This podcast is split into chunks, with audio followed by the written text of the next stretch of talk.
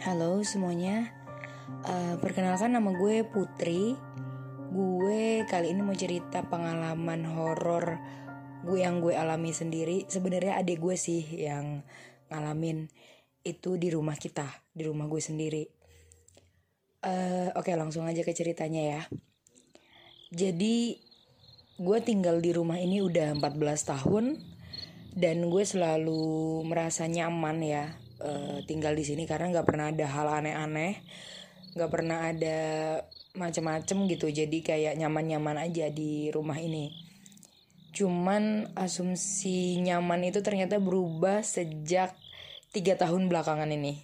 Jadi mulai 2004 sorry 2017 mulai ada hal-hal ganjil di rumah gue sedikit demi sedikit. Pertama-tama gue pribadi tuh uh, sering ngerasa banget ada yang lewat. Um, gimana ya jadi kayak misalkan gue lagi di ruang tengah nih eh ruang TV ya ruang keluarga. Terus lagi nonton TV um, atau lagi main HP gue ngerasa banget jadi selurusan mata gue ruang TV dengan ruang tamu itu kan disekat sama tembok. Jadi kalau mau ke ruang tamu harus belok dikit gitu deh. Um, gue agak susah juga sih jelasinnya. Um, di samping ruang tamu itu ada kamar nyokap. Jadi kalau gue duduk di depan TV gue bisa ngeliat pintu kamar nyokap.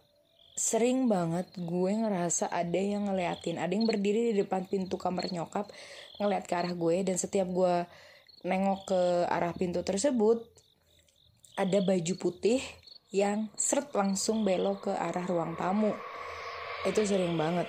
Dan itu posisinya sih keseringan pas nyokap bokap sama adik gue yang kecil lagi pergi gitu. Jadi rumah lagi kosong sisa adik gue yang udah kuliah yang cowok itu ada di lantai atas kamarnya di atas. Ya otomatis gue di bawah sendirian gitu dan itu sering banget terjadi. Biasanya kalau kayak gitu gue suka nanya nyokap atau nanya adik gue kayak buat nemenin gue di bawah gitu sampai akhirnya gak cuman pas rumah kosong ternyata. Um, makin lama makin lama ini kejadiannya beberapa bulan yang lalu gue di ruang TV itu lagi ngobrol sama nyokap nih berdua lagi ngobrol. Posisi gue ngadep ke pintu kamarnya nyokap tapi nyokap itu ngadep ke gue kan jadi ngebelakangin pintu kamar nyokap gitu. Lagi ngobrol berdua padahal ada mamah gitu ya di depan. Tetep loh ada kain putih kayak ngintip dari ruang tamu ngintip kita. Pas gue tengok kain putihnya langsung zret gitu ma. Uh, belok ke ruang tamu selalu jalan ke ruang tamu. Terus gue kaget kan eh siapa tuh? Terus ya nyokap gue makin bingung. Apa lagi sih teh? Terus tuh kan mah beneran sering ada yang lewat-lewat nih gitu. Seperti yang gue ceritakan. Terus sampai nyokap nyuruh gue udah deh teteh kayaknya harus dirukiah deh sering ngeliat yang kayak gitu-gitu gitu Terus ternyata sepenglihatan gue yang sekelebat-sekelebat ini bukan cuman gue yang ngalamin.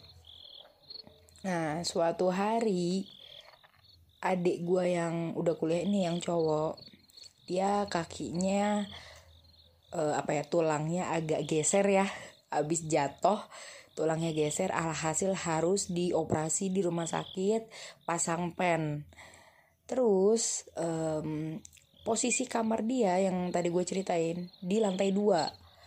Kamar gue juga di lantai dua jadi gue sama adik gue yang cowok ini sama-sama di atas karena dia kakinya diperban dari uh, mata kaki sampai dengkul dia nggak bisa dong naik ke atas. Alhasil adik gue yang cowok ini nih tidur di kamar adik gue yang cewek di bawah lantai bawah supaya nggak harus naik tangga tujuannya posisi kamar adik gue yang cewek ini kamar belakang ini pintunya rolling door. Jadi bukan yang buka tutup ya rolling door yang digeser gitu pakai kayak ada rel gitu dibuka tutup uh, apa didorong digeser. Dan kalau pintu itu terbuka kalau kalian dari dalam kamar seret buka pintu depannya itu langsung tangga menuju lantai dua jadi tangga itu depan-depanan sama pintu kamar. Jadi menghadap tangga gitu. tangganya ya gitu deh. Uh, agak susah jelasin yang jelas buka pintu langsung tangga aja. Tangganya tuh emang ngadep ke pintu gitu.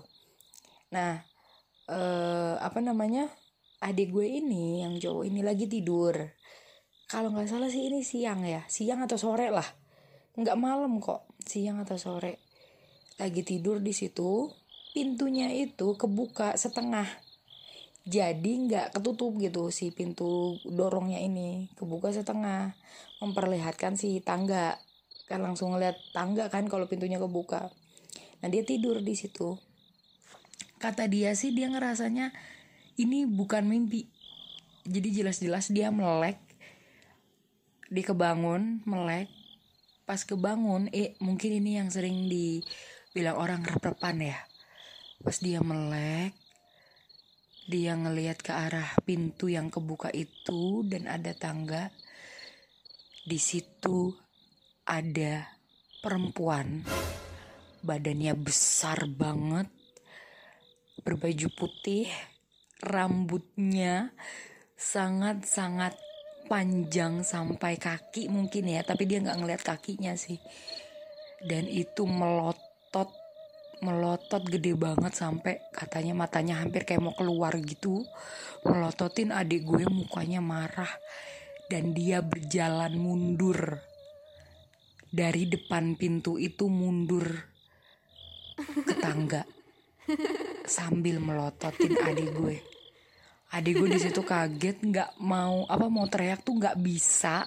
Mungkin yang itu kayak repan itu jadi nggak bisa ngomong nggak bisa apa. Dia cuman ngeliat ada perempuan yang mukanya serem banget matanya merah melotot merah. Ini kalau gue nggak salah inget adik gue cerita ya. Merah melotot matanya hampir keluar dan dia berjalan mundur. Untungnya nggak masuk ke dalam kamar. Jadi dari pintu kamar malah mundur menuju tangga. Itu gue lemes banget sih pas diceritain kayak gitu.